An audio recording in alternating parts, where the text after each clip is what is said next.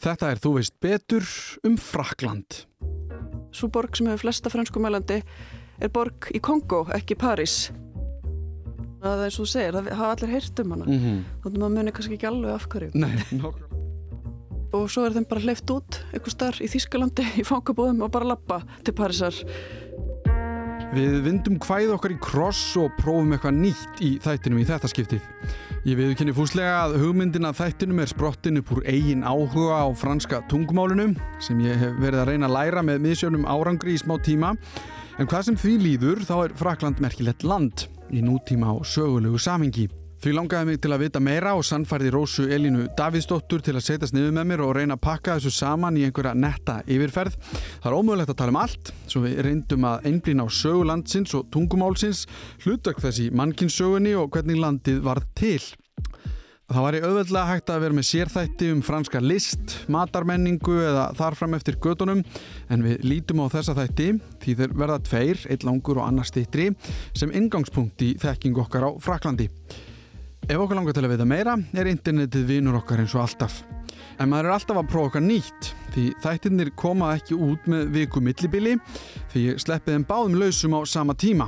Þar sem að fyrir hlutin fjallar eins og áður sagðum söguna þarfram eftir gödunum en í þeim setni pælum við í frönsku þjóðarsálinni hver hinn típiski frakki sé og hvert maður ætti að fara ef maður er að hugsa sér að heimsækja landið, svona sem dæmi.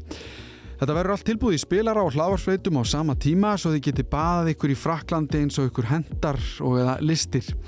En áður við byrjum á langri sögu Fraklands heyrum við smá kynningu frá viðmælandunum sjálfum.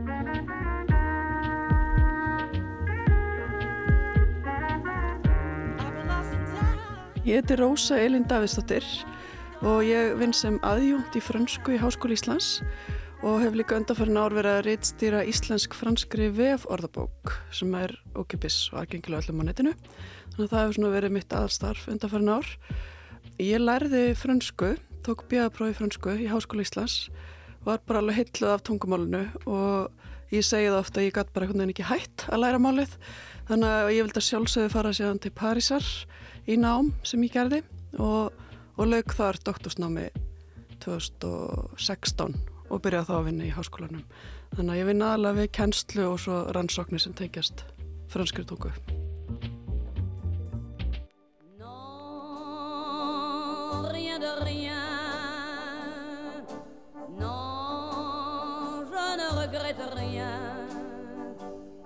Ni le bien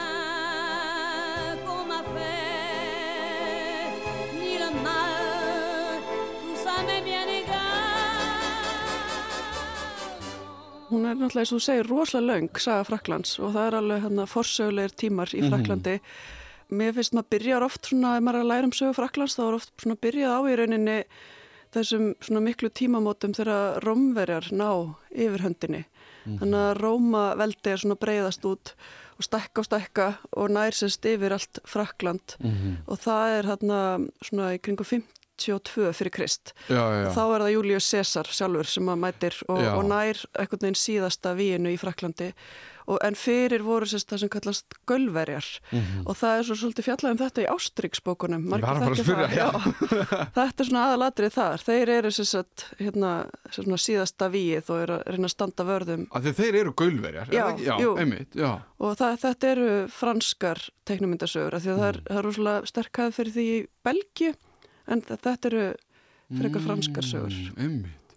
Og Þannig að Frakland er þá partur á Rómaveldi sem Já. er á sínum tíma náttúrulega bara stærsta ég meina, og eiginlega sögulega eitt stærsta veldi bara í heims sögunni Já, já, þetta er svo, en- það er yfir svo ógislega stórt svæði að uh, og það er 52 fyrir Krist þannig við erum byrjuð fyrir Já, tildulega við förum svolítið langt aftur. Já, og hérna þannig að það eru þá náttúrulega svona ímis áhrif frá þessum tíma eitthvað svona Mhm. Minnisvarðar og mannvirki og hérna, að já Já, það er eitthvað sem stendur enn eða veist, Já, get, það er getur, einhverjar, einhverjar leifar hérna, Einmitt. ringleikahús og, og svona stór svona vassbrú eiginlega sem var notið til að flytja vatn síðan já, svona akvadögt á ennsku, og svona, minn, og svona leifar af svona böðum svona rómiskum böðum.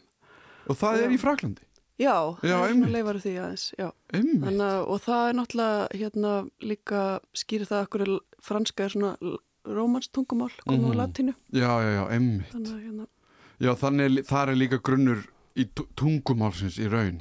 Já, Já, en svo er henni koma síðan sko bara áhrif allstaðar að, þú veist, Mm. setna og eru þau svona miklir þjóðflutningar og þá var að koma alls konar þjóðir að flýja frá húnverjum yfir til Frakland, þannig að það eru talað um franka mm og þeir síðan svona urðu ríkjandi og einn konungur þeirra á hvaða París yrði höfuborgin og franska náði svona yfirhendinni þannig, er tungumál þeirra.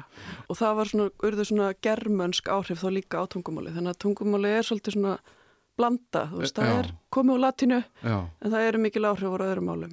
Ég ætlaði mitt sko að spyrja að þú nefndir, þú ert búin að nefna eins og Rómaveldi að því að, að því að við heyrum oft tala um sko mið-Evrópu eða eitthvað að Frakland er eiginlega, þú veist, ok, ekki bara en mið-Evrópa er svo mikið Frakland já, já, þú veist, þannig að þú nefndir líka fólksflutninga Já. og allskins og það er ef að fólk hérna, þú veist, er að lesa sögu bara heimsins, að þá er hún eiginlega saga stríðs.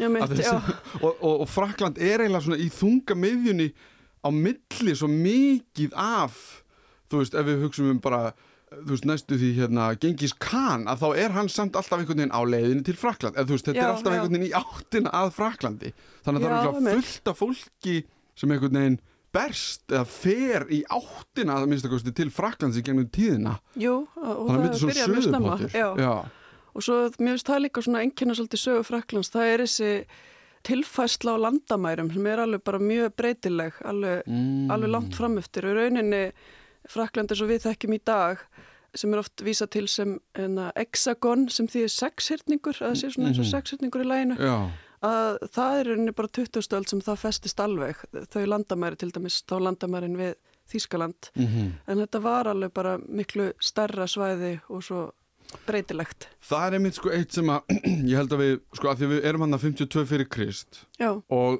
við erum náttúrulega reyna að fara yfir mjög langa sögu á frekar stuttum tíma en eins og þarna, 52 fyrir Krist er Frakland þá Frakland eða er það bara eitthvað landsvæði, er til dæmis nafnið Frakland komið? Nei, það er ekki komið, sko. Þetta er þá, hérna, sko, César talar um þetta sem Gallíu, Já, þetta svæði. Þannig að, hérna, einmitt. og svo var í rauninni þessu svæði skipt upp í þrent og nær svona svolítið yfir Belgíu Mhm. og, og svo Rómaveldi ríkti yfir því öllu Já, og, þá var í rauninni Gallíu skipt í þrent, en það, það hétt sér satt Gallía mm frekar. Og ég er ekki alveg með að reynu hvenar nákvæmlega, hérna, Fraklands heiti kemur. nei, En það tengist þessum fröngum já, og, já, já. og þeim áhrifum sem eru miklu setna bara svona um 400 Ok, þannig, það er samt um 400, þannig að við erum samt bara cirka 450 árum fram í tíman og sko að þegar ég talaði um hérna landnámið okkar að við Já. höfum einhvern veginn bara hvað, ég, ó, ég ger nú þátt um þetta 855, ok það er hérna bara árið eða cirka bát Mhm. þegar að hérna einhver nemur land hér og það er náttúrulega skrítið að vera einhvern veginn með nánast dagsetningu á því hvenar það er byrjað að Já. búa á Íslandi eða einhverju landi Frakland er náttúrulega ekki eins af því að við getum líka síðan farið bara ennþá aftur í tíman og bara 10.000 ára aftur í tíman af því þá erum við bara að tala um mannin að ferðast Já. um Evrópu og, og land sem að, og heim sem við vitum eiginlega ekkit eða getum ekki ímynda okkur hvernig var núna. En sko er saga Fraklands eins og ef við reynum að fara í áttað okkur áttað þúsund eða eitthvað enginnist hún þá af þessari bara landabaróttu að það sé bara einhverju mismundi kongar að taka yfir? Já, í rauninni. Og svona það er, það er mikið svona ljansveldi á miðöldum. En jú, það er mikið svona hérna verið að berjast um, um landið. Mm og til dæmis svona í kringum 840 þá eru svona þrýr sinir konung sem er látin þá að svona berjast um veldin og tveir taka sér saman gegn þessum þriðja.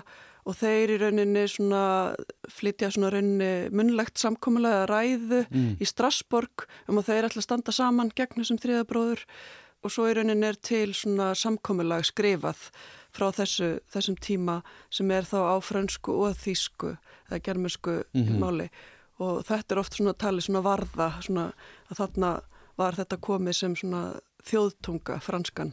já á þessum tíma, á þessum já, tíma, þessi já. tveir bræður hann Já, einmitt og er þá saga að því maður bara þegar ég fór í Tower of London Já, og, og ég fór í svona túr það sem, Mhm. það sem var svona beefeater sem ég veit ekki alveg hvað er á íslensku en bara svona, fólk, ef að fólk ímynda sér bara þessa típisku hérna í rauða já, gallanum já, einmitt. að, segja okkur söguna. Tower of London og hún er bara svona ef maður á að vera algjörlega hreinskilin mjög blóðug Mhm. það er bara að vera hálsöka fólk endalaust er Frakland eitthvað svipað þú segir sko þegar, þegar hún byrjar að tala um bræðunar Já, að þá hugsaði ég eiginlega um Tower of London og þetta var svona svipuð dramatík sko. Já, einmitt.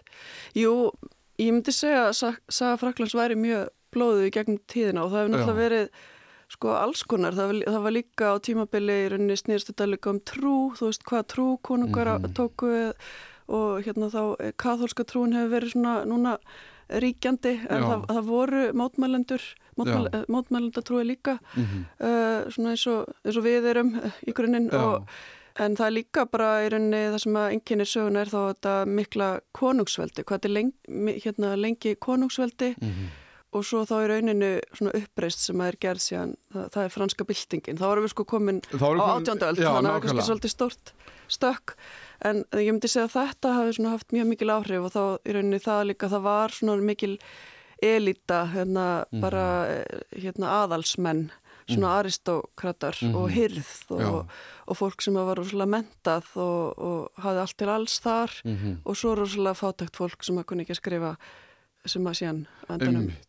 Og- rís upp. og er það sko að því að ég held að við flest höfum heyrt um frönsku byltinguna Já, að því að hún er svo mikilvæg bara í mannkynnssögunni jú, eiginlega en augljóslega gerist ekkit í tómi þannig að þetta hefur átt sér einhvern aðdrand og það sem þú nefnir finnst mér tóldi áhugavert. Þú veist bara með þessa þú- ég gerði þátt um vín Mm og þá náttúrulega er augljóslega að tala um Frakland ef maður talar um mat þá er talað um Frakland ef það tala um list þá er talað um Frakland ef það tala um heimsbyggi þá er það talað um Frakland Já, ef það tala um landnám Íslands að þá er líka talað um Frakland af því að þú voru einhverju munkar kannski 400 árum áður en að við, eða, á, ok, einhvern veginn við setjum dagsendingun á því að hér hafi byrjað fólk að búa að það Mhm. hafi franskir munkar mögulega verið eða einhver frá Fraklandi komið þú veist, þetta er eins og ennskur er oft sagt all roads lead to home en Mhm. stundum virðast all roads lead to Frakland í einhvern veginn að því að við erum ekki heldur komin út í sko nýlendu stefnuna einhvern nei, veginn einmitt. og bara það allt og, og því letin til er kannski sko frekar einfalt að segja bara við náum aldrei að fara yfir allt sem er í sögu Fraklands af því að bara það sem ég nefndi getur verið heilláttur, matur Fraklands heimsbyggi. Fraklandi, allt þetta. Þetta er svo ótrúlega mikil og, og bara gjöful saga. En ef við pælum aðeins í sko, við erum hann að 850 og þú talar um að þar kannski sé franskan að verða svona tungumálið. Og þúsund árum setna er franska byltingin.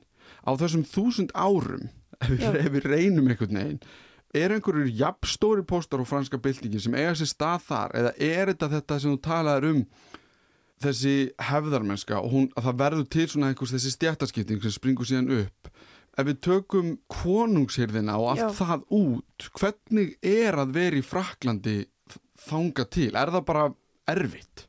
Já, sko, þetta er náttúrulega mikið bændarsamfélag líka, þannig að Mhm. eins og ég nefndi svona, svona ljansherrar þá og þá er bændurinn að vinna fyrir uh, herran. Já, einmitt Um, já, ég er hendur ekki alveg með þá hreinu, hversu erfitt lífið var, en Nei, alltaf en að ég- tala um það, þú veist, þegar komið að byltingunni, þá er þetta orðið mjög svona mikil stjætskipting. Já En ég meina kannski Já. frekar sko, va- þú veist, þú svarar eiginlega spurningunni en sko hvort þetta hafi verið bara svona landbúnaðarsamfélag og það hafi verið svona doldið Já, það í sem, rauninni, þú já, veist, það sem Frakland gerði var eiginlega bara svona landbúnaður og, og uh, kerfið í kringu það var kannski bara það sem þú nefndir, þessi lén og þú sem borgar einhverjum eitthvað, ég veit ekki alveg hvernig Já, það hefur virkað, jú, það er í rauninni, það var landbúnaðar Já, samfélag þá og, og, og er náttúrulega enn, en hérna var náttúrulega mjög mikið hægt að rækta í Fraklandi, þannig að Mhm. það er, þetta er náttúrulega góðum stað eins og kom fram í vínþættinum til dæmis. Já, eins og þú talar um París og ég hef komið þangað og síðan hef ég líka komið til Suður Fraklands mhm, og mér varst það allt öðru sig og við kannski hérna heima þekkjum ekki alveg þennan rosalega blæbriðamun á melli landsvæða innan sama lands. Nei, ég get farið, á- ég get farið á Akureyri og heyrt einhvern góðan hreim en við erum svona frekar lík þegar Já. kemur bara að því hvernig við lifum og búum og allt þetta. Einmitt, ef við kannski svona hugum aðeins að því bara muninum að því að búa í söðu Fraklandi og síðan norð er, er mikill munur líka í sögunni varðandi bara hvernig þau eru, eitthvað svona uppbygging fólksins Já, það er náttúrulega, þetta er alveg rétt sem hún segir, það er rosalega fjölbreytt. Mm. Frakland er mjög fjölbreytt land og þá er rauninni bara líka landslægið og jú, þessi fjölbreytni stafar svolítið líka af þessu sem ég var að tala um, þessum fólksflutningum og Mhm. hvaðan fólk kemur og þá Suður Frakland tengist á svona miðjararhafinu. Til dæmis einn stór borg í Suður Fraklandi, Marseille, sem er Mhm. svona mjög.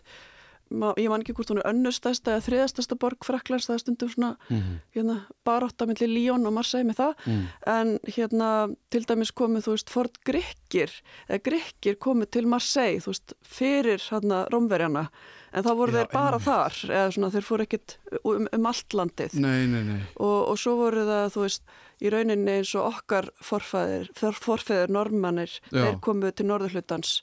Og, og Frakland á landamæri að það sem er núna Belgia mm og svo voru í rauninni keltar, það voru þeir sem voru þarna fyrir áðun að romverðinni komi og það er meira þarna bretanska. -hmm. og svo í rauninni koma líka vikingar um Mhm. 900 að þau vorst að tala um Ísland það, það koma líka áhrif og þeir eru kannski meira hann í norðurhlutanum.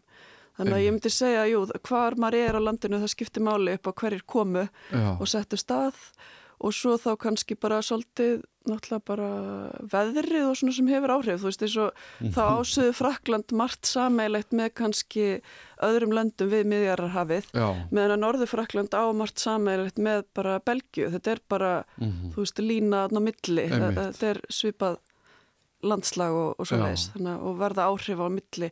Og svo tala oft um mikil áhrif frá Þýskalandi og þar voru náttúrulega landamærin oft á reiki -hmm. en eins og bara Strasburg sem er fransk borg núna en Já. he- minna hefur oft verið Þýskalandsmegin og þetta var svona mikið fram og tilbaka. Já, þar eru, þú veist, finnum maður þýsk áhrif og þannig að já, ég myndi segja að þetta hefur allt svo- mjög mikil áhrif. Þetta er svo þetta er svona einhver fullkomin uppskrift af söðupotti sko. Já, og svo með þess að líka það er svæði sem ég þekkir endur ekki vel en verið til í að kynast betur, það er rauninni það sem er borg sem heitir Toulouse Mhm. og það er svona söðvestur hluti Fraklands og það ásist landamæri að Spáni og þarna, það er svona Píreneafjöllin En sko, ef við gefum okkur bessaleifi til þess að hoppa frekar langt mm af því að við verðum að tala um frönsku byltinguna konusveldi er það eftir frönsku byltinguna eða hvernig það fellur, hvernig það fer úr Já, sko það er nefnilega svolítið flókin saga. Það er sko þannig að hérna, það fellur þarna uh, sérst, 1789 er, Mm. mm. er franska byltingin Já, og þá er í rauninni bara æstur múur, mm. bara fólk, vinnandi fólk sem að bara hefur ekki til nýfs og skeiðar og bara finnst ræðilegt að horfa upp á þessa mm hérna, hyrð sem hefur allt til alls og bara tekur yfir sérst bastiluna og það er sérst núna í dag í París er það er ópera sem er líka köllu bastilan Mhm. en þetta var svona eins og borgarvirki og vopna gemsla og Mhm. hérna til að verja París og, og, og fólki tekur það hann yfir. Í kjölfari fellur uh, konungsveldið Mhm. en svo tekur við svolítið svona flókinsta hérna, saga, það verður þá sérst, uh, þá er stopnað í rauninni líðræði en svo kemur uh, Napoleon hérna, Bonaparte síðan inn og, og stopnar í rauninni keisaraveldi hann Ok, keisari Já, ok og hann er í rauninni á 19. öld að, að mikið rosalegum landvinningum og, og, og styrjöldum og hefur mikil áhrif á, á bara mannkynsöguna. Já, ég meina, við, það er ástæða fyrir að við tölum um hérna, Napoleon helkinni, er það ekki? Jú, en þannig að það er ekki svona einfalt að sé þá bara komið líðveldi að líðræði þarna, þetta fer svona svolítið á milli Já, og verður aftur síðan, hérna það er eins og það, það var náttúrulega rosalega mikil svona, það er talað um að byltingin geti börnin sín mm og það var, hún var svo blóðug og svo fóru menn að berjast innbyrðis og hérna þannig að í rauninni veist, fjall það um sjálft sig og þá, þá var svirum fyrir einhvern inn, innræðis svona já, já, einmitt. Þetta er, að það er já, svona það sem gerist. En að það er í rauninni talað um, sko, ég þurfti að reynda aðeins að fletta því betur upp, en það er stundum talað um, þú veist, fyrsta líðveldið og síðan annað líðveldið og þú veist, ég held að við séum núna í fymta, sko. já, Þannig að, já, að því að við tölum bara um í dag að þá vitum við að höfum heyrt kannski um mótmælinn sem er í Fraklandi já, varandi eftirlunaaldurinn jú, og þá kemur oft upp þessi á ég að segja mýta, ég veit ekki þessi mhm, að frakkar séu svo gjarnir á mótmæla. Já, ég veldi bara fyrir mér, var það fyrir þú veist, vitum við hvort það hefði verið fyrir frönsku byltinguna, mhm, hvort að frakkar hafi verið svona gjarnir á að mótmæla eða hvort það hafi bara eftir frönsku byltinguna að þá Mhm. hafi verið bara, þú veist, svo mikil mótmæli að þá hafi skapast þessi hefð Já, ég held að ég raunna með að segja að hún hafi skapast þarna sko, það, þetta hafi svo rosalega mikil áhrif og bara á, á alla mannkinsöguna og þessi hugmynd um veist, frelsi, jafnbretti og bræðralag og, og hérna svona breyttar hugmyndir sem Mhm. hefur mikil áhrif út fyrir Frakland. En ég myndi segja að þetta sé ekki mýta með að þeir séu duglegur að mótmála, Mhm. það er alveg rétt. Og í rauninni í dag þá sér maður að ungd fólk sem er að mótmála eftirlauna frumvarpinu í Fraklandi Uh, jafnvel sér maður skilti það sem þau eru að vísa í rauninni þessa yfirtöku á bastilinni, segja að við getum bara tekið bastilin aftur. Mhm. Þannig að þú veist, fólk er meðvitað um það, þá atbyrði. Já, já. Jafnvel í dag, ungd fólk í dag, fólk, þú veist, þau læra náttúrulega mitt í skóla og allt þetta. Og ég meina þetta hlýtur að vera er að svona, við getum tekið, hérna, tekið valdið aftur. einmitt og ég ímynda mér líka af því að franska byltingin er eitthvað sem ég, ég held að sé kendi í skólum út um allan heim Mhm. af því hún skiptir svo miklu máli í mannkynsögunni að þá náttúrulega er fyrir styrlað að síðan vera frakki og geta Já. hugsað já, langa, langa, langa afi minn eða hvernig sem það er varaðna Já, veist, þetta, er í blóðinu hjá mér sko. þetta Já. Er ekki bara það sem ég lesum í sögubókum og sko bara franska byltingin sem slík menna, auðvitað væri hægt að gera bara heilan þátt um fransku byltinguna og hvernig hún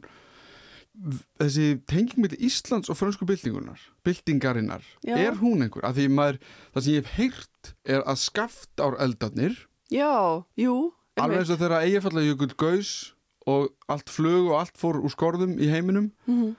að þá hafi skaftár eldarnir einhvern veginn, veistu hvað ég er að tala um? Jú, jú, þetta er rétt. Hérna, það er sérst, þeir höfðu áhrif á Mm. hérna Evrópu og Frakland á uppskeru.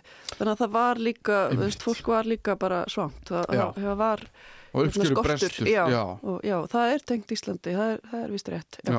Mér finnst það, mér það finnst finnst það svona pínu, ok, við höfum alltaf einhverju tengingu með fransku byltinguna, ekki að við höfum eitthvað beint haft áhrif á það. Nei, Þannig að í stuttumáli þá er það, segja, þau sem minna hafa, sem rýsa upp gegn þeim sem hafa allt. já, Það er það sem franska byltingin snýst Mhm. að m- mörgu miklu leiti um já, og þar verður þetta fyrsta líðræði til erum við þá að tala um fyrsta fórseta Fraklands eða, eða að því þú talar um að það verður smá svona nei, það var ekki rauninni fórsetið, Nei. það, það var hérna bara stjórn, sko. Já.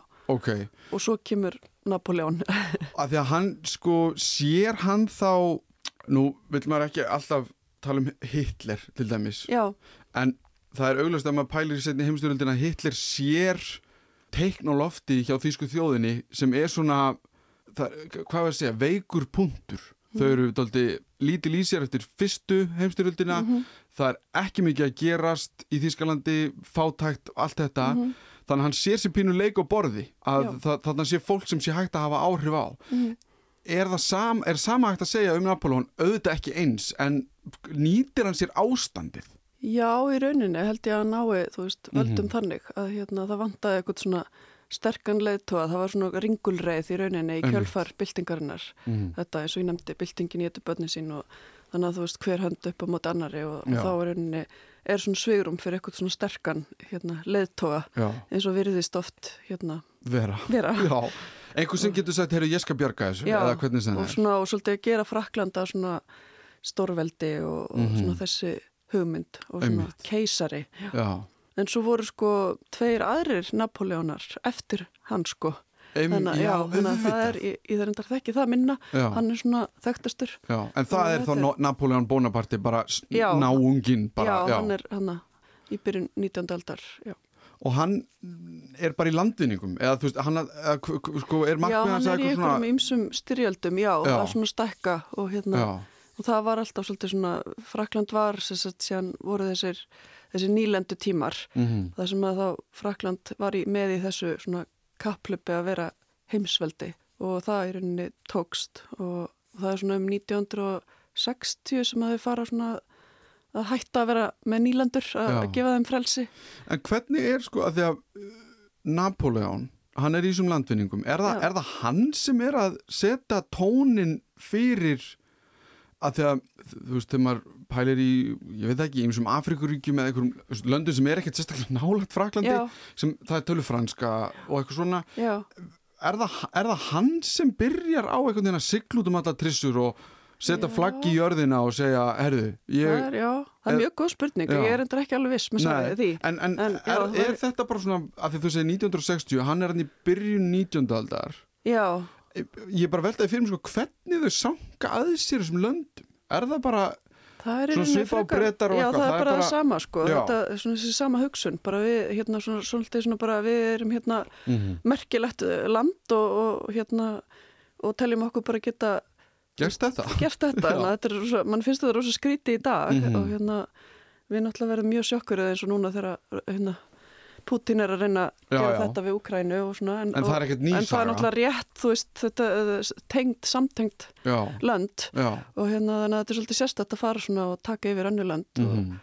þannig að það er, þú veist, það er runni líka að vissuleiti svolítið svona kannski blóðugsaga eða ekki svo, hérna, setur Frakland ekki svo gott ljós í rauninni Nei. núna í dag þá, Ég held að Spátn og Breitland séu líka að eiga Já. við þessa ímynd já og meina, meira þess að líka bara eins og Belgia, það er hérna það var belgiska Kongo og franska Kongo einmitt. Og svo núna í dag til dæmis er, þú veist, það sem að vara áður franska Kongo, ég held að þessi vestur Kongo, það er vist tvö, austur og vestur. Já, og það er til dæmis í dag þá hérna Kinshasa, Kinshasa heiti borgin. Og það er bara, hún er stærsta franskumælandi borg í dag, hún er stærri með fleiri, fleiri, fleiri íbúa en París þannig að þú veist það sem eru flestir, svo borg sem hefur flesta franskumælandi er borg í Kongo, ekki París. Og það, það er bara svona frá því 2010 sem það gerist. Þannig að Það það, er- mjög er svona merkileg bútur En þetta er svona afleðing af þessum nýlandutíma sem að sérst, þetta í rauninni þótt að þeir hafi síðan gefið frelsi þá í rauninni heldur franskan velli mm jafnliða afrísku málunum síðan og hérna, já. Já, einmitt og meina, maður heyrir að og nú náttúrulega ofinberi hérna, vanþekkingu mína en eins og með sum Afrikulönd að, að þar séu í raun, í raun það er eins og pínu eins og veist, danskan er kent hjá okkur já, það er svolítið þannig Já. já. Í sumum er jafnvel, reyndar er það jafnvel sterkara þú veist, það er alveg Já, hún er kent fyrst eða hvað uh, Já, eh, nei ekki fyrst en bara hún er ofinbært tungumál líka mm, Nei, já, svo það er við værum með bara, já. þú veist, dansku og íslensku, bara einhvern veginn allir, uh, það væri bara mikil, bara jafnvel einhver fög kenda á dansku hjá, hjá okkur, Mm, svona ennþá sterkari staða, eða einmitt. notuð í ofinberum, hérna, stopnunum og svona Mhm. hjá í löndunum. Þannig að það er svona misjönd hvaða stöðu franskan hefur. Hún er til dæmis Mm. kannski ekki ofinbært tungumál eins og í Norður Afrikulöndunum eins og Túnis og, og Alsýr og Mhm. Marokko, en það tala allir, allt fólk sem gengur í skóla tala fransku allavega einmitt þar. já, það er líka sérst, fyrir um nýlendur Fraklands, það er hérna, líka þessi lönd og mikið af frökkum sem er í Marokko ferða menni að búa og já, og sko, en Napoleon rennur á rassinn já, á svipaðan hátt og Hitler rennur svo á rassinn. Það er Rússland sem að er daldið stór Já. biti fyrir þá báða held ég.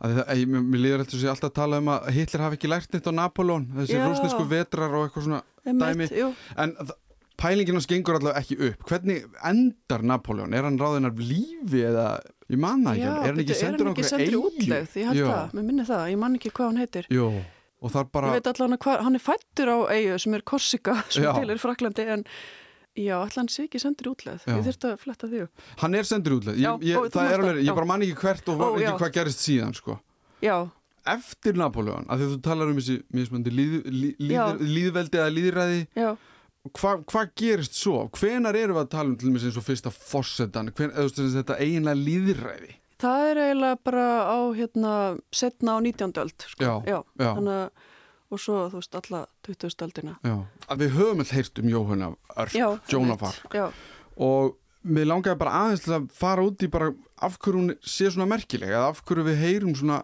heyrum alltaf um hana.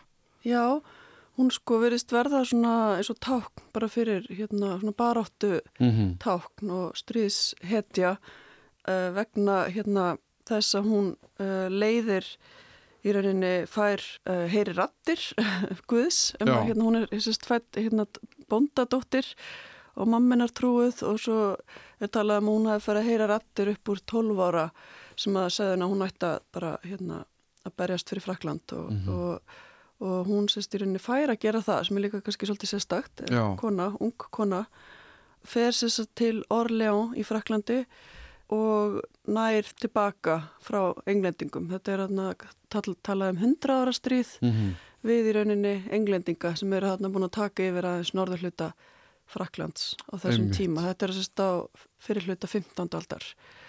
Eh, Þannig að já, hún sérst verður svona hetja, fer þarna bara í herklaðu með sverð og, og, og nær aftur þessu svæði Mhm. og, og þá er þetta krýna síðan kong þarna sem er þá Karl sjöundi á þeim tíma. Já, Þannig að hún svona í rauninni hjálpar, hjálpar franska ríkinu þarna á þessum tíma. einmitt. Og svo var hún svona, sérst, þá hérna, þetta var svona hrein mei, þetta verður svolítið svona pínu svo Marja mei í hérna Mm. herklaðin bara. Já, Hérna, en svo í rauninni endar hún á, að, á því að vera brend á báli í Fraklandi og þá er það bara vegna svona í rauninni þá trúvillu eða það, það, það tekst að klína á hana að hún hafi þá bara verið nortn eða mhm. hérna að því hún var að heyra rattir og svona og það er svona, Þannig, raun, þannig raun, já, þetta er svona Já. rosa eitthvað trist Já. dæmi að að það sem að gera að verkum á hún fyrir stríð og vinnur þetta land er síðan nota gegn henni og hún er drepin. já í rauninni. Þannig að, þá, hérna, það endaði þessi stíla Já, en hún er allan að minningin hennar lifir þannig að það er svo segir, það hafa allir heyrt um hana. Mm þannig að maður muni kannski ekki alveg af hverju. Nei, nokkulega. En sko, hlutverk Fraklands í þessum heimstyröldum já, á 2000-öldinni er frekar mikið, já, er það ekki? jú, mjög. Þannig að Þú veist, þeir eru þetta eh, veldi, Mhm. Frakland og uh, þú veist, er það þá sem, eh, ég veit það svo sem ekki, er, er það þá sem Frakland fær þennan svona, hvað maður að segja, að það sé svona sem eitt af þessum heimsveldum, sem eitt af þessum ríkjum sem að önnur ríki horfi til eða eitthvað. Það er í rauninni, myndi ég segja, fyrr sko. Það er Já. jafnvel líka eitt kannski sem ég myndist ekki beint á. Það er átjóndöld, þá er svona, þú veist, upplýsingin í Fraklandi um, og þá svo mikið. Já. Þá er hérna, þú veist, og Voltaire og Diderot og Rousseau Mm uh, sem var einmitt að koma út bók eftir hann á íslensku í þýðingu Pétur Gunnarssonar sem heitir Játningar. Einmitt, ég sá, já. mjög merkild ritt. Já. Uh, og, Og þetta eru svona heimspekingar og hugsuðir sem hefði mjög mikil áhrif í Fraklandi og líka út fyrir Mm eins og svo kemur upplýsingin til Íslands og endanum og þetta með svona menta og, og uppfræða uh, alla. Einmitt. Þannig að ég myndi segja að Frakland næði svona þessum status sem heimsveldi fyrr Mm og kannski þess vegna blandast í þessa í heimstyrjaldirnar. En þannig Já. alltaf tala um að fyrir heimstyrjaldin, fyrir heimstyrjaldin hafi verið svo tilgangslaus eitthvað neginn. Mhm. Ástæðarnar fyrir henni svo útrúlega léttvægar, bara Einmitt. einhver svona hérna rígur Einmitt. þannig séð, meðan að setni heimstyrjaldin eins og þú nefndir Hitler á þann að þú veist, það var það að stoppa hann og hérna, og það náttúrulega kannski var Frakland líka ef að segja meira í hættu þú veist, af því að Já. Hitler vildi Frakland já, þú veist, og hann reðst inn í Frakland og Já. hann tók París og Já, allan, rosa- allan norður hlutan í rauninni, Paris og þú veist, það var bara rauninni söður hluti Fraklands Mhm. sem var með svona einhverja sjálfstjórn og, og hérna, en með, með hérna, meiri hluti landsins var hernuminn. Já, þetta hafði náttúrulega rosalega mikil áhrif, en eins og fyrst fyrri heimstöldin hafði líka rosalega mikil áhrif, það var svo mikið mannfall, þetta var svo, þetta var svo hrikalegt, bara þeim var bara slátrað, Mhm. náttúrulega bara, hérna, og þessir, þessir skotgrafar hernaður, þú veist, þetta er mikið svona, maður sér þetta mikið, jafnvel þetta maður sé ekkert mikið að stúdara sögu Fraklands, bara Mhm. ef maður er að skoða bókmyndir eða ljóð, þú veist, í á þessum tíma eða í kjölfarið, Mhm. þú veist, þá, þá hérna, þetta er svo mikið svona tráma, rosalega mikið á ungu mönnum sem, a, sem að deyja. Já, og svo kemur setni heimstyrildin, svona skömmu setna já, já. og En hvernig þá sko er já, er þetta milli, sko, að því við vitum aðeins meir um hvað gerist til dæmis í Þískalandi á milli fyrri og setni heimstyrjaldarinnar já, af því að við erum búin að pæla svo mikið í því því að þá kemur Hitler að það er svona einhvern veginn verður eitthvað Já. til sem að springu sér út í setni heimstyrjaldinni einmitt, Frakland á þessum tíma? Já, er, er, er, er Frakland bara svona meira minn í sárun sinum, þú veist, að mannfall bara, eða, var mikil eyðilegging á landinu Eh, sjálfu? nei, það, það var í rauninni ekki svo mikið í, í Nei. það er meira þetta bara hvað þeim er slátrað þarna í, í skotgrafa hernaði, Já. sko og það, það er ekki svona mikið verið að ráðast á og sprengja Nei, Það er í setni heimstildinni, það, að, það, það er rétt að það eru borgir í Fraklandi í norðarhlutanum sem að skemmtust mikið. Mm og, bara, og alveg Já, og, og þurft að byggja upp. Frakland er í setni heimstyrjaldinni það er, Mhm. Frakland fer ekki sérstaklega vel út úr setni heimstyrjaldinni þá meina Nei, ég bara varandi, þú veist, ég er sprengt, þú veist, það er bara svo mikið sprengt já, í Fraklandi og eins og þú sagði Norður Fraklandi þó sérstaklega þjóðverðar taka part af Fraklandi síðan endar stríðið mhm, og, og er þá hægt að segja þá svona kannski að því að við tölum um fyrsta fórsetan kannski sem ég hef heyrt um og síðan nýlendunar fara það 1960 þá fyrir Já. að fara Fraklandi smið er þetta aldrei mikil breyting sem kemur í Fraklandi eftir setni heimstyrildina eða hvað? já, ég myndi segja það og hérna, en það er náttúrulega þú veist, kannski að vissuleiti er Frakland í sárum bara líka vegna þess að, að þeir hérna gáfi leifi á að, að, að flytja til dæmis skýðinga það er hérna, skýðingar voru fluttir frá Fraklandi líka í hérna í fangabúðir og, og hérna Mm. útrýmingabúðir nasista, þannig að það er svona líka ákveðið svona kannski uppgjör í gang Já, bara svona það. sjálfskoðun Já, nánast, já. Að, hérna, og svo náttúrulega líka svona þeir sem voru síðan að hérna, voru hliðhóllir þjóðverum eða Mm.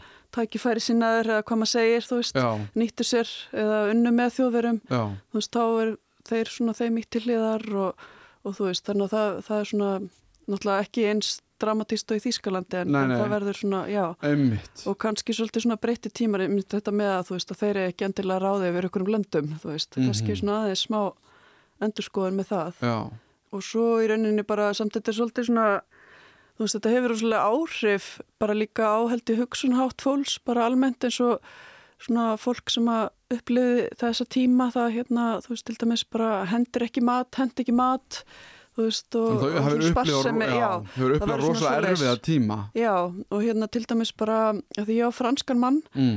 og bara afi hans var fangi í sex ár fangi þjóðvera í sex ár þú þannig að þetta er ekki lengra en þetta sko. Og hann var að segja honum síðan hann lifið af og hérna, en þá var það í rauninni bara þannig að þeim var bara sleppt út, þú veist, og þá þurftu bara að lappa heim, þú veist, það var ekkert, þú veist, þetta var bara kaos líka, þú veist, það var bara allt einu stríði búið, hann að bandamenn búinir að Mhm. koma inn í Frakland og frelsa og, það, og, og svo er þeim bara hleyft út, einhver starf í Þýskalandi í fangabúðum og bara lappa til Parísar og hérna, og þú veist, og hann til dæmis Það er svona, Var, þú veist, þú ég, veist- maður veit ekki hvernig maður bregðast við þegar maður Og sko, ég hef sérst ekki hitt þennan mann, hann Já. var látin áður en að hérna, ég kynntist manninu mínum, Já. en mér varst þetta rosalega magna þegar hann sagði mér þetta og var heila bara svona, já, vá, þetta er svo nálagt okkur Já, og, hérna, og þetta hafði mikil áhrif á hann bara það að hafa, þú veist, ekki haft nægan mat í sex ár nei, og, veist, ekki og þeir voru þarna nokkrir bara saman, bara eitthvað spjalla allan daginn, þú veist, það var Já. ekki beint farið illa með þá en svona, En þeir þeir voru í fangabúðum já. í sex ár, það Já. er alveg þokkalega, já. þú veist, á þessum tíma sem maður er að, þú veist, í mót, mótunar árum, en Já. já, Já, það er, já, það er alveg svakalegt, sko. En við tölum við kannski um, þú veist, fórsetar sem kemur eftir setni heimstyrjöldina, sem að var nú nafn sem að, hérna, ég hafði heyrt áður. Sjaldu Gull, Já. hann er Að, mjög er það kannski bara eftir, Eftir flugvellinum. já, Charles de, já, já, já, Það er flugvellurinn. Heitir eftir honum. já, einmitt. Sko, hann er freka merkilegur, er, er, er það ekki? Já, hann var svona þá hérna, mikilvægur í setni heimstyröldinni svona Mhm. að, að hérna ba berjast, hérna ekki á vígvellinum heldur Nei. svona fyrir frelsi, bara helt fræga ræði útvarp og Mhm. hérna var svona í stjórnmálunum Já, og svo verður hann fórseti setna sko eftir, eftir stríð þannig að hann er rosalega svona kannski mikil hetja myndi ég segja, já, allir svona líta upp til hans og virðan Mhm. virðist það verið. Og er þá, að því að sko, eins og þú nefnir, þetta er ekkert það langt, þú veist, ok, þetta er langt en samt ekki langt, einhvern veginn síðan, að því að við tölum heimstyrjöldina þá er þetta náttúrulega komin uh, að verða 80 ár mm og, og þá er þetta kannski frekar fjarlægt kannski mér og þér, en, Mhm. en við þurfum ekkert að fara neitt sérstaklega langt aftur í kyn, kynnslóðum Nei, til þess að vera að koma fyrst, reynslu frá fyrstu hendi af þessum tíma. já, Þannig að þetta er einhvern veginn í, hvað ég að segja, DNA-un okkar, blóðin okkar. Þá velti ég bara fyrir mér af því að þetta hlýtur þá að hafa áhrif á þjóðarsálina. Skiluru, hve, Mhm. hvernig einhvern veginn samfélagi Fraklandi, að við erum svona að færa okkur í átta nútímanum, Já. sko, einhvern veginn byggir sig aftur upp. Þú veist, hvernig byggir upp land sem hefur verið Já, sprengt í tætlur og höfuborgin tekin og, og þú veist, einhvern veginn já, það er rosa mikið hlutum til að eiga við bæði nýlenduna þú veist það er hérna hvernig einhvern veginn kemur Frakland sér upp úr þessu öllu saman og verður að því við heyrum ennþá, í dag þá horfum við, þú veist, að við horfum á stríði í Úkrænu þá er alltaf tala um Fraklandsfósita eða Bandaríkja eða Brell, þú veist, þetta er, Já, þetta er ennþá einmitt. þessi stóru ríki hvort sem fólki líka betur eða verð sko. þá Já. er þetta einhvern veginn þessi Einmitt. ríki sem eru, í, eru með fastsæti í hérna, saminuð þjóðunum og, og allt þetta Já, einmitt, sko, þetta er mjög góða punktur. Þetta er örgulega, þú veist, allavega, sko, verðist þá Frakland ekki hafa verið svona eins og ég allavega heyrt með Þýskaland að það er svona smá, líka bara má í raunin ekki vera þjóðetniskend, þú veist, mm Mhm. -hmm. að þetta er, þá er það viðkvæmt. Einmitt. En það er þá ekki þannig í Fraklandi. En þetta hafiði mikil áhrif og maður sér það kannski líka svolítið svona í í listum, þú veist, Mhm. þótt að við ætlum ekki að fjalla sérstaklega um það Nei, er, en nei. svona að rithöfundar voru svolítið svona meðvitaðir og vildu taka þátt og leggja eitthvað fram í þjóðfélags umræðu Mhm. og, en þá er einu hugsun bara líka svona eins og heimsbygginga og rithöfunda eins og Sartre og Camus þar sem þau voru svolítið svona pína að tala um sko svona tilgangsleysi einhvern veginn lífsins að þú veist Mhm. hver er tilgangurinn og svona Já. existentialismi það er svo kannski aðeins setna en, en það er líka þarna, ég var bara til dæmis að skoða það með nefndum um daginn svona leikhús sem er oft kallað við absúrt leikhús Mhm. sem kemur fram í, í Fraklandi þarna um 50 Já. og, og það er mitt er alls ekki politist og alls ekki draunverulegt og svona Mhm. sem gerist í leikritunum en það er þessi svona tilfinning um að einhvern veginn maðurinn er svolítið einn og veit ekki hver tilgangurinn er og þetta Mhm. pína að maður hafi kannski maðurinn hafi kannski ekkert lært á sögunni eða Einmitt. og hérna þannig að ég svona myndi segja að það, þetta verður svona hefur mikil áhrif á Já. alla hugsun og svolítið að pæli því á hver er tilgangurinn og Einmitt. hvað við að gera hérna og ég, þetta kannski, þú veist, ekki að það tengist eitthvað beint en bara því ég var að horfa á hvort sem það var Abbey Road Studios Já. heimildamyndina eða eitthvað og hljómsveitin sem voru að koma þar og þar náttúrulega eru bítlarnir já, og ég held að það bara verið einhver úr Oasis sem var, sagði sko að við erum alltaf í dag dálítið að horfa Mm. tilbaka. Já, hvað allt var gott þá, hvað bítlarnir voru góður hvað Led Zeppelin voru góður, eitthvað svona. Mhm, en eftir setni heimstyrjöldina að þá ert ekki að horfa tilbaka að Nei, þá já. var allt hræðilegt. Þú ert bara að horfa áfram og það er kannski Bretland en það bara líst þessu fyrir mér á svo áhugaverðan hátt þessu, þú veist, hvað það hefur rosalega áhrif á allt, alla Já. hugsun. Þú veist, það vill ekki fara aftur tilbaka. Það vil allir bara horfa áfram, eins og í Bretland eins og Mhm. þannig tala um þarna þar sko. Og, og, og það verður kannski til rosa mikið nýtt já, í staðin fyrir að vera einhvern veginn alltaf að horfa tilbaka Jú, og endurvinna það, þú veist eins og þú nefndi tilgangsleysi auðvitað kannski kemur það fram eftir allt þetta. Já, af því að þetta er pínu svona, heyrðu, hvað við að gera hérna? já og bara svona hver er tilgangurinn og, og í rauninni svolítið svona áslá það að maðurinn fær ekkert svar, þú veist, við erum Mhm. svolítið við erum svona vitsmenna verur og viljum kannski finna eitthvað tilgang en við fáum ekkert svar og þá er þetta kannski svolítið svona trúleysi líka Einmitt. en svona, já, það er svona svolítið áhugavert en eins og að þú nefnir það líka að horfa fram á við og gera eitthvað nýtt það er eitt sem er mjög mikilvægt sem gerist í kjölfarið Mm. sem að kannski við gleymum stundum þegar að vera að tala um Evrópusambandið og þá eru við kannski að hugsa um, þú veist, okkar hagsmunni, Mhm. uh, eitthvað svona reisastort bákn eða sem ræður fyrir okkur og svo lesum við Mhm. kannski tengjum eitthvað neikvægt líka við umræðum Evrópusamband Já, já, og svo svolítið mikið bara svona efnahags líka, þú veist, við erum alltaf að pæli því. Já, en þú veist, það er stopnað í kjölfar setni heimstyrjaldar til þess að koma á frið í Evrópu og tryggja frið. mhm. Þannig að þú veist að Frakland er meðal já, og þetta er í rauninni eitthvað svona fallegt sem að tókst að það er ennþá friður já, á milli þessara ríkja. Þannig að það hefur verið friður í Evrópu bara þangað til núna með innrás uh, Þannig að þú veist, finnst stundum það gleymast að Evrópusambandi átti fyrst og fremst það kannski hefur svona þanist út. Það, það var hugsa sem bara leið til að horfa fram á við tryggja frið. mhm, Já, það myndi ekki gerast í þriða skipti, svona hræðileg stríð á milli þessar landa. já, Þannig að þá er í rauninni í dag er alltaf verið að heiðra líka vinnáttu Fraklands og Þýskalands. Til dæmis bara hérna á Íslandi þá taka sendir á Fraklands og Þýskalands saman og það er hérna ákveðin dagur sem að mhm, hérna er í minnum í februar og þá er verið að halda upp á ammæli svona samkomilags líka. Ekki Nei, þetta meira bara millir þessar tvekja ríkja. veist þannig að það er rosalega svona stert núna bara við erum vinir mhm, og við bara sínum það í verki. Þannig að það allavega er eitt svona sem kom út úr þessu. já, og það sko, sagan og nútíðin, hún svona settla bara inn í, þetta bara svona Já. verður, við erum komin á þann stað, þegar ég gerði þátt um kjarnorku, þá ætlum við að sagða mér að flest kjarnorkuver í heiminum er í Fraklandi. Já, einmitt, það er, sem er freka merkileg já, og Frakland er með freka sterkan her. Já, eða svona tæknivættan her. Já.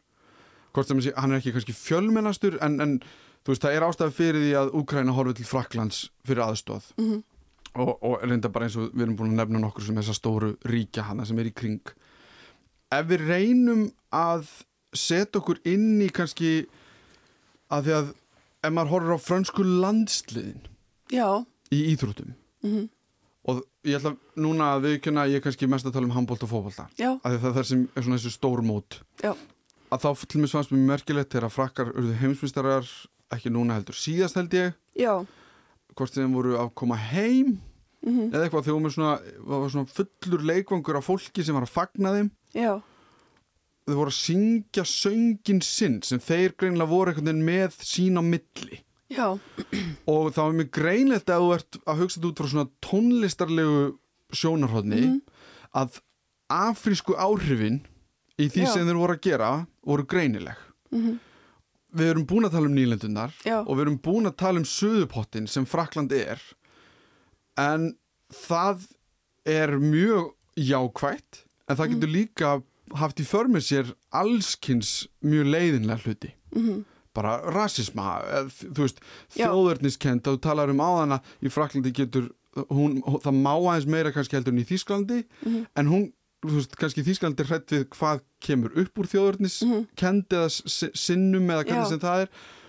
Og maður hefur orðið var við svona þessa, þessa aukningu. Já, já, já, og ég er mjög hrifin af, af því að maður fer að hugsa um tónlistina að þá Mhm. í Bretlandi að þá kemur hún úr svæðum sem að hafa, fólk hefur minna á milli handana, það Já. er meiri söðupottur bara inn í hverfum af mismöndi áhrifum og allt inn eftir með breska rappara sem eru með einmitt afríska áhrif frá Ghana eða hvernig sem það er. Já, og ég dyrka það. Mhm, en ef við tölum um Frakland nútímans getum við einhvern veginn svona reynd að fá tilfinningu fyrir Fraklandi í dag já, það er rétt að hérna, kannski eins og landsleiði fótbolta, það Mhm. sýnir svolítið vel hvað uppurnin er fjölbreyttur -hmm. og þeir hérna eiga lang flesti leikmannana, eiga rætur að reykja til einhverja Afríkulanda um, og er það þá bara svona skjótin er það þá foreldra þeirra sem Já, hafa komið sko og þeir eru setni þeir eru fættir í Fraklandi já, að flestir segja, já, það er en þeir eru hérna önnur kynslu og Já. innflytjenda eins og við talaðum og jafnvel, þriðja Já, sko, þú veist, þannig, já. að- en þeir eru Já. hérna allan önnur og þannig að sérst, það var kannski pínu umdelt einmitt líka þegar þeir unnu þannig fyrir fjórum árum og Mm. það var svona bara unnu heimsmystara mótið já það var einhver að segja svona bara já Afrika vann bara þú veist. Því það er svolítið svona byrni þeir eru frakkar. En það er rétt þeir hérna fóreldrar þeirra hafa komið frá í hinum, hinum ímsa Afrikulöndum en eins og núna í landsleginu núna sem kefti þá var held ég eitt sem að var fluttið til Fraklands bara sem strákur. Mhm. og það, ég man reyndar ekki hvað hann heitir hann er Nei. ekki einn af þessum kannski fræðust að hann frekar ungur. Já, og þú veist og þá er saga hans svolítið svona innflytjenda saga svona árangus innflytjendur sem ná árangri franski draumurinn að þeir koma og hann vekur aðtekli fyrir að vera svona góður í fótbolta og, Mhm. og fær þá styrk og, og þú veist og hann er í svona fátakara hverfi að þú nefnir þetta mitt með áhrif frá tónlistamönnum og svona Já. Að það er þannig náttúrulega í Fraklandi í mörgum borgum, í París og fleiri þar sem eru svona útkverfi, þar sem eru þá meiri Mhm. fátakara og jafnvel svona eins og félagslegar íbúðir stóra blokkir af því af þe- þannig íbúðum og, og þú veist og þar sér maður þá fólk af hérna, fjölbreyttari uppruna heldur en er að spásera í miðborg Parísar já. og þetta hefur alveg áhrif á tónlistu rapp er til dæmis mjög mikilvægt í Fraklandi ég held að rap sé líka ég held að annar stærsti rap markaður í heimi eftir bandaríkunum sé í Fraklandi já, það getur bara það var alltaf, hann er verið, já. alltaf með þeim fimm stærstu eða eitthvað, Já. það, þú veist, til dæmis það er sko. svona mjög stór sena svo koma líka, ef við talar um tónlist þá er líka svona smá áhrif frá eins og svona svona ræ tónlist Mm. mm. það líka, kemur líka svona með nýlendunum en það er kannski ekki svona mainströms mhm, en já, að í sambandi við þjóðirniskend þá er það rétt að ég var að meina svona kannski eftir stríði þá var í lægi, þú veist það var ekki eins já, viðkvæmt að vera svona við erum frakkar, við erum bestir, það er, var í lægi já, en hérna þetta var ímislegt sem að þeir hafið á samiskunni, sérstaklega í sambandi við nýlendur. Það, Mhm. en það er svona meira að ræða það í dag eða undanfærin ár. Svona nýlendu hérna, bókmyndir og svo leiðis en, en það er hérna uppgangur þjóðarni sinna víða eins og Mhm. við vitum og, og Frakland er engin undatækning þar og Nei. er mjög sterkur flokkur sem að, e, er svona þjóðarni sinnaður. Er það Marie Le Pen? Já, það er hún, já. Er Le Pen og hún hérna sérst, tók í rauninni við sem formaði flokksins af pappa sínum Mm. um, sem hétt líka Le Pen, eða sérst, hún er með sama eftirnafn Já, og hann var í rauninni miklu hérna grófari, þú veist, óheflaðri í talsmáta, þú veist, bara hérna, þannig að það var einhvern veginn meira að saka hann um rasisma mhm. hún er fer miklu fítn í þetta sko Mhm. og hún nær líka til breyðari hóps fólks meina, var ekki síðustu fórsetakostningar milli hennar og, nei, er ég að rugglast? uh, Hún böði sér kannski ekki fram til fórseta. jú, jú, hún, hún var í frambóði um, og Macron vann uh, jú, var hún ekki hún var í mynd- Já, það hafi verið eitthvað svona, já. jú, og sko það er alveg svona smá hætta og hún verði fórseti, þú veist, já, næst Já, nú er Emmanuel Macron er á setni kjörtímapílunni, hann má ekki bjóða sér aftur Nei, nei, fram nei, einmitt. hann er sérst að klára já. það þannig að ég man hérna eftir því sérst ég var fyrst í Fraklandi það var um 2002 þá gerist það í fyrsta skipti þá var það pappi hennar Mhm. Og Chirac, Jacques Chirac sem var fyrst í Fraklands, Mhm. þeir voru í setni umferðinni í fórsetakostningunum og það var svona mikið sjokk fyrir fólk á þeim tíma, ég man eftir þessu að fólk var bara í áfalli að það var ekki sósilistaflokkurinn eins og mm. heldu Mm. sem er kannski svona pínu eins og samfélkingin eða þannig þú veist, og þá heldur var það þessi þjóðarnisflokkur og Mhm. bara að það þurfti, þyrsti þá, fólk nettist til að kjósa eitthvað sem það fíla alls ekki uh, sírak já, til þess að tryggja þetta og hvað þetta væri mikið áfall fyrir þau sem land að þetta væri svona sterkur flokkur já. og það rauninni hafa áhrifin bara aukist síðan þá, síðan 2002 og nú er þetta bara raunveruleg hætta en hún er með svona mildari skilaboð Mhm. og En hún um næri raunin alveg til þá jafnvel innflytjenda eða fólk sem er af hérna svona kannski verkamanna þú veist Mhm. það er svolítið svona nær fólki líka á því að, að tryggja sína stöðu ekki fá fleira fólkin er Já, þetta þetta, um, þetta snýst um dálítið svipa eins og bara vera að ræða út um allt. já bara, þetta bara innflytjendur Að stoppa og- e- einhvers konar, eða minka, eða hvernig Já. sem þú vilt orða uh, að fólk komi til landsins. og, já, Já. og hún vill, svo vill hún reynda líka eitthvað svona meira sjálfstæði bara þú veist helst ekki efruna og það hún svona Já, er á þeirri línu líka Hún hefur ekki tort til Breitlands varandi það, já, já.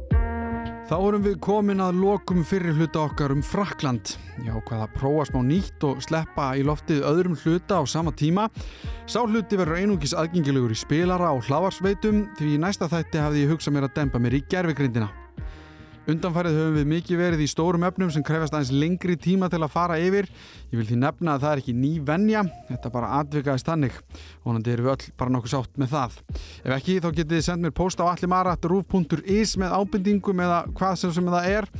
Til dæmis hvaða land var í gaman að fjallum líka, en þeir eru mörg til svona þegar að Frakland hefur verið tæklað. En ég vil þakka Rósu Elinu Davísdóttur fyrir að fræða ykkur um landið, menninguna og minni aftur á setni hlutan ef ykkur þýstir í meira. Ég heiti Allimár Steinarsson og þakka fyrir mig. Þetta var Þú veist betur um Frakland.